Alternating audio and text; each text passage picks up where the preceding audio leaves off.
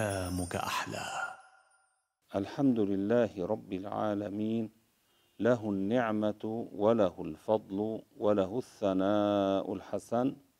صلوات الله البر الرحيم والملائكة المقربين على سيدنا محمد وعلى آله وصحبه الطيبين الطاهرين الميامين. اللهم لا سهل إلا ما جعلته سهلا وأنت يا حي يا قيوم تجعل الحزن إذا شئت سهلا.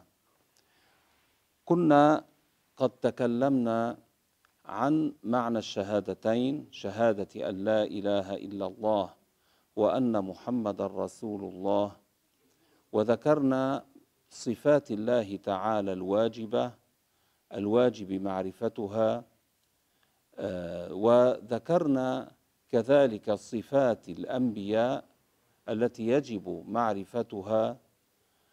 والآن لابد أن نتنبه لأمر مهم جدا وهو كيف يحافظ المرء على إسلامه.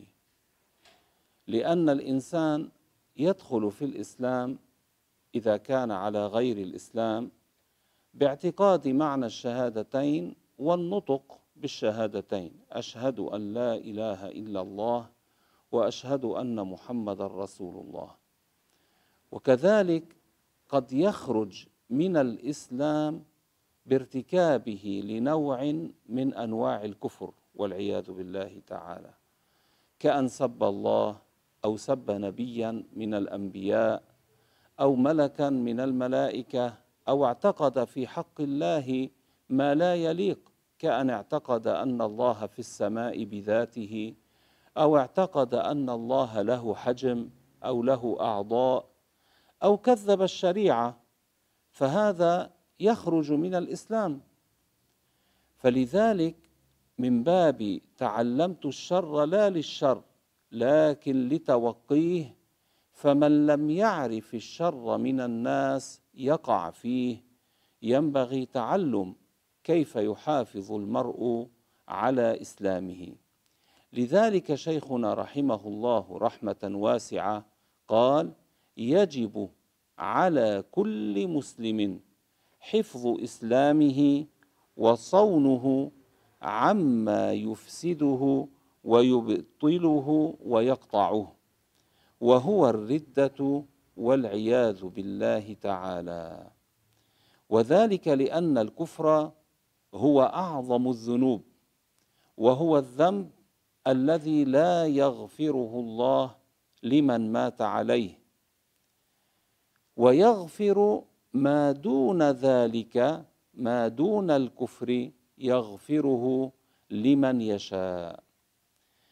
قال الحافظ يحيى بن شرف النووي رحمه الله المتوفى سنة ستمائة وست وسبعين لهجرة النبي عليه الصلاة والسلام وغيره من العلماء قالوا الردة أفحش أنواع الكفر. أفحش أي أقبح أنواع الكفر من حيث إنها تحبط كل الحسنات ومن حيث كونها انتقالا من الحق إلى الباطل. أليس هو كان على الإسلام وخرج من الإسلام؟ ارتد فهذا انتقل من الحق إلى الباطل. فلذلك الردة أفحش أنواع الكفر يعني أقبح. ليس المراد أنها أشد الكفر في كل الأحوال. قد يكون بعض الكفر أشد من الردة كالذي ينكر وجود الله الذي يلحد بالله تعالى. هذا كافر وهذا كفره أشد من الذي يقول الله موجود لكن يسب الله والعياذ بالله تعالى إذا غضب. هذا كفر وهذا كفر لكن ذاك الذي يقول لا إله الذي ينكر وجود الله سبحانه هذا كفره أشد من ذاك. فإذا وقد كثر في هذا الزمان عند الجهال من الناس التساهل في الكلام حتى إنه يخرج من بعضهم ألفاظ كفرية تخرجهم عن الإسلام ولا يرون ذلك ذنبا فضلا عن كونه كفرا. يتكلمون بالكفر يظنون بأنفسهم أنهم بعد ما زالوا على الإسلام وهم يتكلمون بالكفر وحتى يتحمسون إذا أحد تكلم ضد الإسلام يدافعون ولكنهم قد يكونوا واقعين في الكفر. هؤلاء الذين ارتكبوا الكفر يكونون واقعين في الكفر. لو تحمسوا للإسلام لو دافعوا عن الدين من حيث الظاهر ولكن هم وقعوا في الكفر بارتكابهم لنوع من أنواع الكفر. وهذا الأمر ينبغي أن ننبه الناس إليه وهو مصداق بل تحقيق قول النبي عليه الصلاة والسلام إن العبد ليتكلم بالكلمة أي بالكلام الذي هو كفر لا يرى بها بأسا يعني لا يظنها ضارة له يهوي بها في النار أي بسببها يهوي في النار سبعين خريفا أي مسافة سبعين عاما في النزول. وذلك منتهى قعر جهنم. وهذا الأمر خاص بالكفار. من الذي ينزل إلى قعر جهنم؟ إلى مسافة سبعين خريفا. الكافر المسلم العاصي لا ينزل إلى هذا القعر لا ينزل إلى هذا القدر من جهنم كما دل على ذلك النصوص الشرعية. فإذا هذا الحديث الذي رواه الترمذي في جامعه وحسنه وكذلك في معناه حديث آخر رواه البخاري ومسلم ونصه إن العبد ليتكلم بالكلمة ما يتبين فيها يزل بها في النار أبعد مما بين المشرق والمغرب. فحديث الترمذي الذي ذكرناه اولا يفسر حديث البخاري ومسلم. وهذا الحديث دليل على أنه لا يشترط في الوقوع في الكفر معرفة الحكم ولا اعتقاد معنى اللفظ ولا انشراح الصدر. فاذا هذا الحديث الذي ذكرناه مصداق لما يحصل في أيامنا من كثير من الناس الذين يتكلمون بالكلام الكفري ولا يظنون بأنفسهم أنهم وقعوا في الكفر.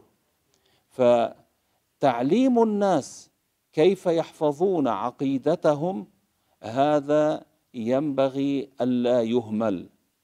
النبي عليه الصلاة والسلام حكم على قائل الكلمة الكفرية بالعذاب في قعر جهنم مع كونه غير عالم بالحكم. أليس قال لا يرى بها بأسا؟ يعني لا يراها ضارة له لا يراها فيها كفر لأنه لا يظن أن فيها ضرر. فيعلم من هذا أن من قال كلاما كفريا وهو يفهم معنى اللفظ كفر. سواء عرف أن كلامه كفري أو لم يعرف. ولا يشترط أيضا للوقوع في الكفر انشراح الصدر. فمن قال كلاما كفريا كفر ولو كان غير منشرح الصدر. ولو كان ليس يفرح بالكلمة الكفرية. أليس قالها بلسانه وهو يعلم معناها خرج من دين الإسلام؟ لو كان هو معتاد على الكلام الكفري كبعض الناس للأسف بين الكلام والكلام يدخل مسبة الإله سبحانه أو يدخل مسبة الدين دين, دين الإسلام أو يدخل مسبة ملك من الملائكة أو يستخف بدين الإسلام. يستخف بالأحكام الشرعية.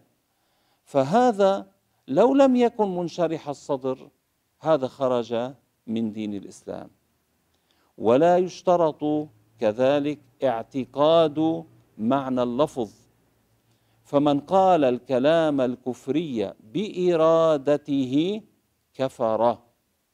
ولو كان لا يعتقد معنى الكلام الذي قاله كمن يقول مثلا والعياذ بالله يقول يا أبن الله وهذا نسمعه آه، من كثير من الناس أو يقول يا أخت الله أو يقول أخت ربك أو نحو ذلك.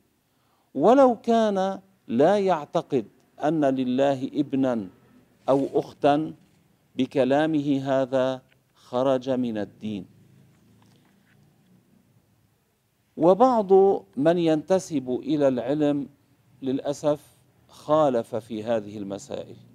منهم سيد سابق المصري.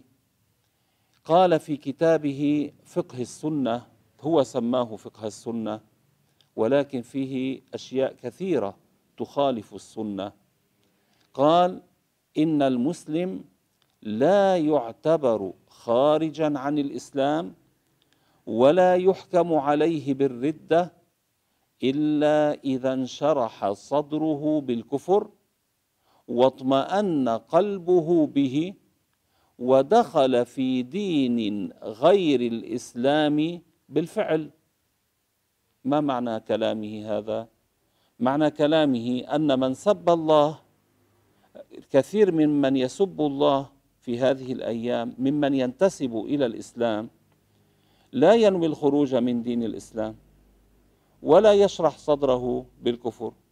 فقط سب الله إما مزاحا إما هو يريد أن يمزح يريد أن يضحك الجالسين أو نحو ذلك. ليس منشرح الصدر بها وليس مثلا يعتقد أن لله ابنا أو أختا لكن قال يا ابن الله. أو يا قال يا أخت الله. أو نحو ذلك. مزاحا وهو لا يريد الخروج من دين الإسلام بالفعل. هذا ماذا نحكم عليه؟ هذا يكون خارجا من دين الإسلام. لا يجوز أن نقول هذا لغو. بعض الناس يحتجون بالآية لا يؤاخذكم الله باللغو في أيمانكم. من سوء فهمهم يحتجون بهذه الآية مع أن هذه الآية عما تتكلم. هذه الآية تتكلم عن الأيمان والأيمان جمع يمين واليمين هو الحلف. لا يؤاخذكم الله باللغو في أيمانكم. كانوا في السابق يقولون كثيرا لا والله إي والله لا والله إي والله. فقد يصدر هذا الحلف منهم من غير قصد أن يحلفوا يعني على وجه سبق اللسان. فهذا الذي ورد فيه لا يؤاخذكم الله باللغو في أيمانكم. ما ما ورد لا يؤاخذكم الله باللغو في إيمانكم. فرق بين فتح الهمزه أيمان وبين كسرها إيمان. هذه الفتح بمعنى اليمين وتلك الإيمان أي التصديق بالقلب والاعتقاد الصحيح بدين الإسلام. فإذا واحد تكلم بما يخالف دين الإسلام وما هو تكذيب للدين أو استخفاف بالنبي أو استخفاف بالله سبحانه أليس هذا يكون كفرا؟ ولو لم يقصد الخروج من الدين. نسأل الله السلامة. إذا واحد كان مريضا بمرض يحتاج إلى دواء معين هل إذا أعطيته دواء آخر بحسب العادة يشفى من مرضه؟ لا يشفى من مرضه بحسب العادة. فإذا واحد كان واقعا في الكفر هل هو كالذي هو واقع في المعصية؟ لا. الذي هو واقع في الكفر ينبغي أن تبين له أنه وقع في الكفر ليفعل ما يخرجه من الكفر. لأن الخروج من الكفر كيف يكون؟ بقوله الشهادتين. أما إذا قيل له استغفر الله لا تعد إلى هذا هل يكون بذلك أنقذه من الكفر؟ لا يكون أنقذه من الكفر. أما المعصية التي ليست كفرا نعم يتوب منها كيف؟ بأن يندم ويعزم على أن لا يعود إليها وأن يتركها. وإن كان مثلا فيها حق لآدمي يستسمح هذا الآدمي يسترضيه وإن كان فيها حق لله تعالى كأن كان تاركا للصلاة أو الزكاة أو الصيام فبأن يقضي ما فوته بسبب هذه المعصية. ففرق في الخروج آه، من الأمر إذا كان كفرا أو إذا كان معصية. لذلك ينبغي أن يبين ما هو المرض ليعرف كيف الخروج منه. وكذلك أمر آخر مهم لا يشترط في الوقوع في الكفر حتى يحكم على الشخص أنه وقع في الكفر لا يشترط عدم الغضب. يعني لا يشترط أن يكون غير غضبان سواء كان غاضبا أو مازحا أو جادا. إذا ارتكب الكفر وهو في عقله ليس غاب عقله هذا يحكم عليه بأنه خرج من دين الإسلام. وقد أشار إلى ذلك الفقهاء منهم الحافظ النووي رحمه الله حيث قال لو غضب رجل على ولده أو غلامه يعني المملوك فضربه ضربا شديدا فقال له رجل كيف تضرب ولدك أو غلامك هذا الضرب المبرح المحرم؟ قال له ألست مسلما؟ معناه المسلم عنده شفقة. كيف أنت تفعل هذا؟ فذاك ماذا قال له من غضبه حين سأله ألست مسلما؟ قال له لا. ماذا حصل؟ خرج من الإسلام. قال كفر. قال له لا أي لست مسلما متعمدا. ما معنى متعمدا؟ أي ليس على وجه سبق اللسان. ليس أراد أن يقول كلاما آخر فصدر منه هذه الكلمة. لا إنما هو أراد أن يقولها وقالها. أراد أن يقولها وهو غاضب. يعني مثل ما بيقولوا عنا عم بفش خلقه. لكن هذا الكلام أخرجه من دين الإسلام لأنه قال لا أي لست مسلما بإرادته.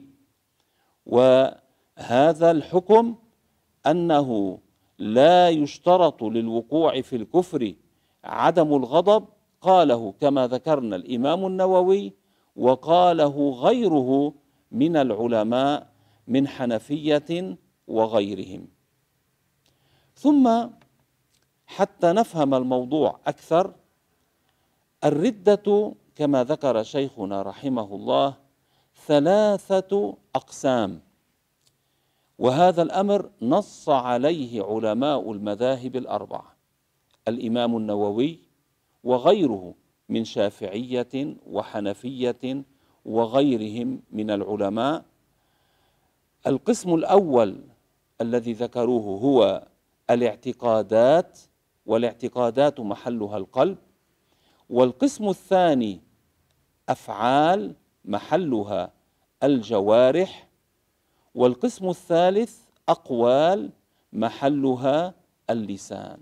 فاذا الردة ثلاثة أقسام اعتقادات وأفعال وأقوال. لو فتحت أغلب كتب الفقه المعتمدة القديمة للمتقد... ل... للذين ذكروا كتب المذاهب وشرحوها تجد فيها بابا اسمه باب الردة. يذكرون تقسيم الكفر إلى ثلاثة أقسام ويبينون بالأمثلة ما هي هذه الأقسام. فهذا التقسيم وارد في الشريعة العلماء ذكروه ليس شيئا جديدا ابتكره شيخنا رحمه الله بل الشيخ استخرج من بطون كتب العلماء السابقين وذكر هذا في كتابه حتى ينبه الناس ويساعدهم على أن يحفظوا عقائدهم. حتى مفتي ولاية بيروت الشيخ عبد الباسط الفاخوري رحمه الله رحمة واسعة. له كتاب اسمه الكفاية لذوي العناية. هذا الكتاب يطبع في بيروت آه، يعني منتشر يوزع مجانا. هذا الكتاب وكان أنا أذكر منذ كنت صغير السن يعني يمكن أقل من عشر سنين كان عمري وكان هذا يوزع آه، حين في في البلد تحت كان يوزع بين الناس ونجده في المساجد بكثرة يوزع مجانا على الناس. هذا الكتاب فيه تقسيم الكفر إلى ثلاثة أقسام ويذكر أمثلة من كل قسم فهذا ليس شيئا جديدا. فاذا نبدأ بالكلام على القسم الأول الذي هو الكفر الاعتقادي. من أمثلته الشك في وجود الله سبحانه وتعالى. هذا كفر بالاعتقاد. أو في وحدانية الله هل الله واحد لا شريك له أم لا؟ أو الشك في مخالفة الله للحوادث أليس ذكرنا أن من صفات الله المخالفة للحوادث أي أنه لا يشبه شيئا من المخلوقات؟ فمن شك هل الله له رأس أو له رجل أو له يد بمعنى الأعضاء؟ شك في هذا هذا كفر خرج من الدين لأنه وصف الله بصفات المخلوقين. لو لو شك لكن فرق بين الشك وبين الخاطر الذي يأتي بغير إرادة. يهجم ليس أنت تريده أتاك الشيطان القرين يلقيه لك. فهذا إذا أنت لم تعتقده بل أنت كرهته لا يضرك. وهكذا ينبغي أن تفعل. أي خاطر يأتيك لا تلتفت إلى هذه الخواطر التي فيها تشبيه لله بخلقه أو تكذيب للشريعة. أي خاطر من هذه الخواطر لا تلتفت إليه. أنت الخاطر الذي يأتيك زنه بميزان الشريعة وزن بحكم الشرع كل خاطر فإن يكن مأموره فبادري. زنه بميزان الشريعة. إذا كان هذا الخاطر مما يخالف ما تعلمته من الشريعة فأنت لا تلتفت إليه ولا تشغل ذهنك فيه. انما اشغل نفسك بشيء آخر. وإن كان هذا يتكرر عليك فأشغل نفسك بحفظ القرآن وحفظ المتون في العقيدة وفي الفقه. اشتغل بالعلم. اشتغل بما ينفعك ولا تفكر بهذه الخواطر ولا تقل ماذا لو اعتقدت؟ ماذا لو شككت؟ ماذا لو كذا؟ أنت كيف تعتقد وكيف تشك؟ وقد تعلمت العقيدة وأنت تتعلم العقيدة وعرفت الحق كيف تشك؟ إنما هذا الشيطان يلقي في بالك حتى تتشوش وحتى لا تتهنأ بالعبادة. فلا تلتفت إليه واشغل نفسك بما ينفع. هكذا كان شيخنا رحمه الله يوصي من ابتلي هو قال من ابتلي بالوسواس فليشغل نفسه بحفظ شيء من القرآن كل يوم كل يوم ليحفظ شيئا. وقال لا يجب هذا الخاطر لا يشغل نفسه بهذا الخاطر إنما ليشتغل بشيء آخر. فاذا كذلك إذا من الكفر الاعتقادي إذا شك في صدق النبي المصطفى صلى الله عليه وسلم أو في رسالته هل هو مرسل أم لا شك هل هو رسول الله أو لا أو شك مثلا في القرآن هل هو من عند الله أو هو من تأليف محمد ليس أنه نزل عليه بالوحي إذا شك بذلك خرج من الدين. أو شك في اليوم الآخر في القيامة هل هناك يوم قيامة أم لا؟ أو شك في الجنة أو النار يعني هل هما موجودتان في الآخرة؟ أو شك في الثواب أو العقاب أي في وجود الثواب أو العقاب في الآخرة أو نحو ذلك مما هو مجمع عليه عند المسلمين لا خلاف فيه. كذلك إذا اعتقد قدم العالم إذا اعتقد أن العالم ليس له بداية كان مع الله في الأزل هذا خرج من الدين جعل لله شريكا في الأزلية. لا أزلية إلا الله لا شيء ليس له بداية لا شيء لم يسبق وجوده عدم إلا الله عز وجل. فالذي يقول بأزلية شيء غير الله كيفما قالها؟ خرج من الدين.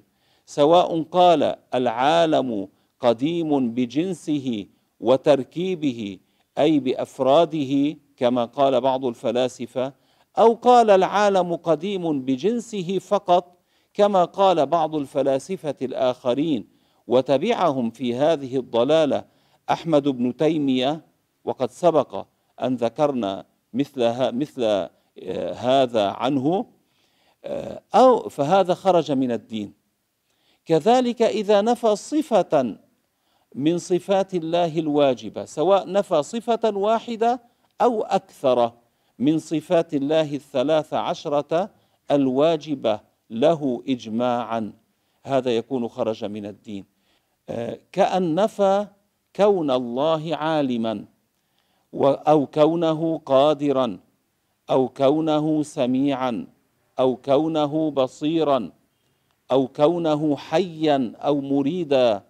هذا إذا نفى أي صفة من الصفات الثلاث عشرة هذا خرج من دين الإسلام.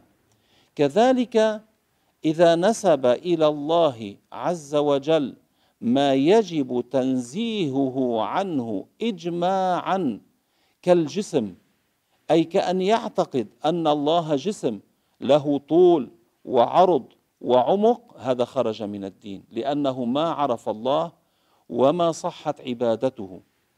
وكذلك إذا نسب الجهل والعجز والموت لله سبحانه وتعالى فهذا كذلك تكذيب للشرع. تكذيب للا إله إلا الله محمد رسول الله. كذلك إذا حلل محرما يعني أمر محرم قال عنه حلال وهذا الأمر محرم بالإجماع وظاهر بين المسلمين معلوم من الدين بالضرورة أنه حرام بأن اشتهر ذلك بين العلماء والعامة. وكان هذا الأمر المحرم مما لا يخفى عليه حكم تحريمه في الشرع كالزنا من لا يعرف من المسلمين أن الزنا حرام واللواط من لا يعرف أنه حرام وقتل المسلم بغير حق كذلك والسرقة والغصب فهذه الأمور معلومة مش مشتهرة بين المسلمين أنها حرام. فمن قال بأنها ليست حراما خرج من دين الإسلام. لكن قد يكون واحد قريب عهد بإسلام دخل في الإسلام من جديد ولم يكن سمع لم يكن علم أن المسلمين يقولون عن الزنا حرام أو عن السرقة حرام أو عن اللواط حرام أو عن القتل حرام. بعض الناس قد يكون نشأوا في بعض البوادي البعيدة الذين يعيشون كالبهائم. ودخل في الإسلام سمع الشهادتين وآمن بهما وصار مسلما لكن ما سمع شيئا من الأحكام.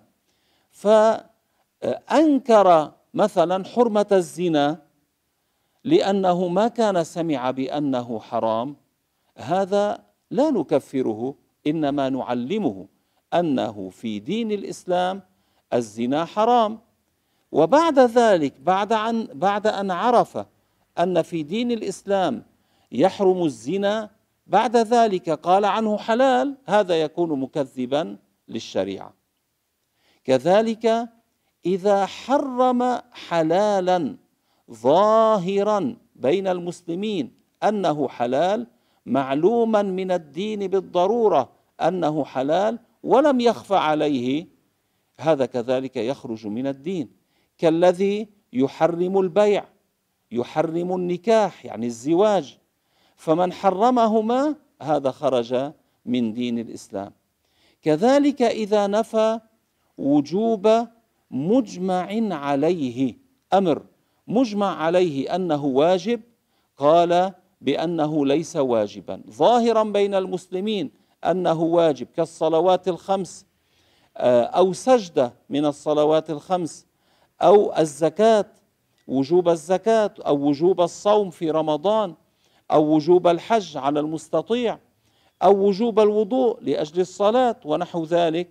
من اعتقد عدم وجوب أمر من هذه الأمور هذا خرج من دين الإسلام. كذلك إذا قال عن أمر ليس واجبا بأنه واجب كذلك هذا خرج من دين الإسلام. وكان هذا الأمر الذي ليس واجبا مجمعا عليه بأنه غير واجب. فكمن مثلا أوجب زيادة ركعة على ركعتي فرض الصبح. هذا خرج من الدين. أو نفى مشروعية مجمع عليه كذلك. يعني أمر مجمع عليه معلوم من الدين بالضرورة أنه مشروع يعني شيء حث الشرع على فعله. مثل إيش؟ كرواتب الفرائض سنة الظهر القبلية والبعدية سنة العصر مثلا سنة المغرب البعدية سنة العشاء. آه، ونحو ذلك. إذا آه، نفى مشروعية هذه الأمور كرواتب الفرائض وكذلك صلاة الوتر مجمع على أن الشرع حث عليها التي تكون بعد صلاة العشاء الركعة أو الثلاث ركعات آه، أو نحو ذلك يعني صلاة الوتر. هلا هناك خلاف؟ بعض العلماء قال الوتر يصح أن يكون ركعة وبعضهم قال آه، لا يصح إلا ثلاث ركعات. الأصل أنه نفى أصل مشروعية الوتر هذا يكون كذب ما علم من الدين بالضرورة. كذلك إذا عزم على الكفر في المستقبل إذا عزم على أن يكفر غدا مثلا أو بعد شهر أو بعد سنة هذا كفر في الحال. أو عزم على فعل شيء مما ذكر مما هو من المكفرات أو تردد فيه مثلا قال في قلبه أفعل هذا أو لا أفعله هذا كذلك كفر في الحال. لا خطوره في البال بدون إرادة كما ذكرنا. قد يأتيه خاطر بغير إرادة هذا لا يبطل إيمانه. كأن خطر له شيء ينافي وجود الله تعالى مجرد خطور بلا إرادة وهو معتقد الحق معتقد اعتقادا جازما بالحق. فهذا لا يكفر لأن الخاطر لا يناقض الجزم هو جازم بالحق فهذا لا يعد من الكافرين. كذلك إذا أنكر صحبة سيدنا أبي بكر الصديق رضي الله عنه لأن هذا يكون مكذبا للقرآن. القرآن نص على صحبة سيدنا أبي بكر أو أنكر رسالة واحد من الرسل المجمع على رسالته عند المسلمين كأن أنكر رسالة آدم أو رسالة موسى أو عيسى أو محمد صلوات ربي وسلامه عليهم. أو جحد حرفا مجمعا عليه أن أي أنه مجمع على أنه ثابت آه، في القرآن أنه من القرآن هذا أنكره مع علمه أنه منه أو زاد حرفا فيه أي في القرآن مجمعا على نفيه أي أجمع المسلمون على أنه ليس من القرآن وهو قال معتقدا أنه منه عنادا يعني من باب العناد اعتقده منه وهو يعرف أنه ليس منه.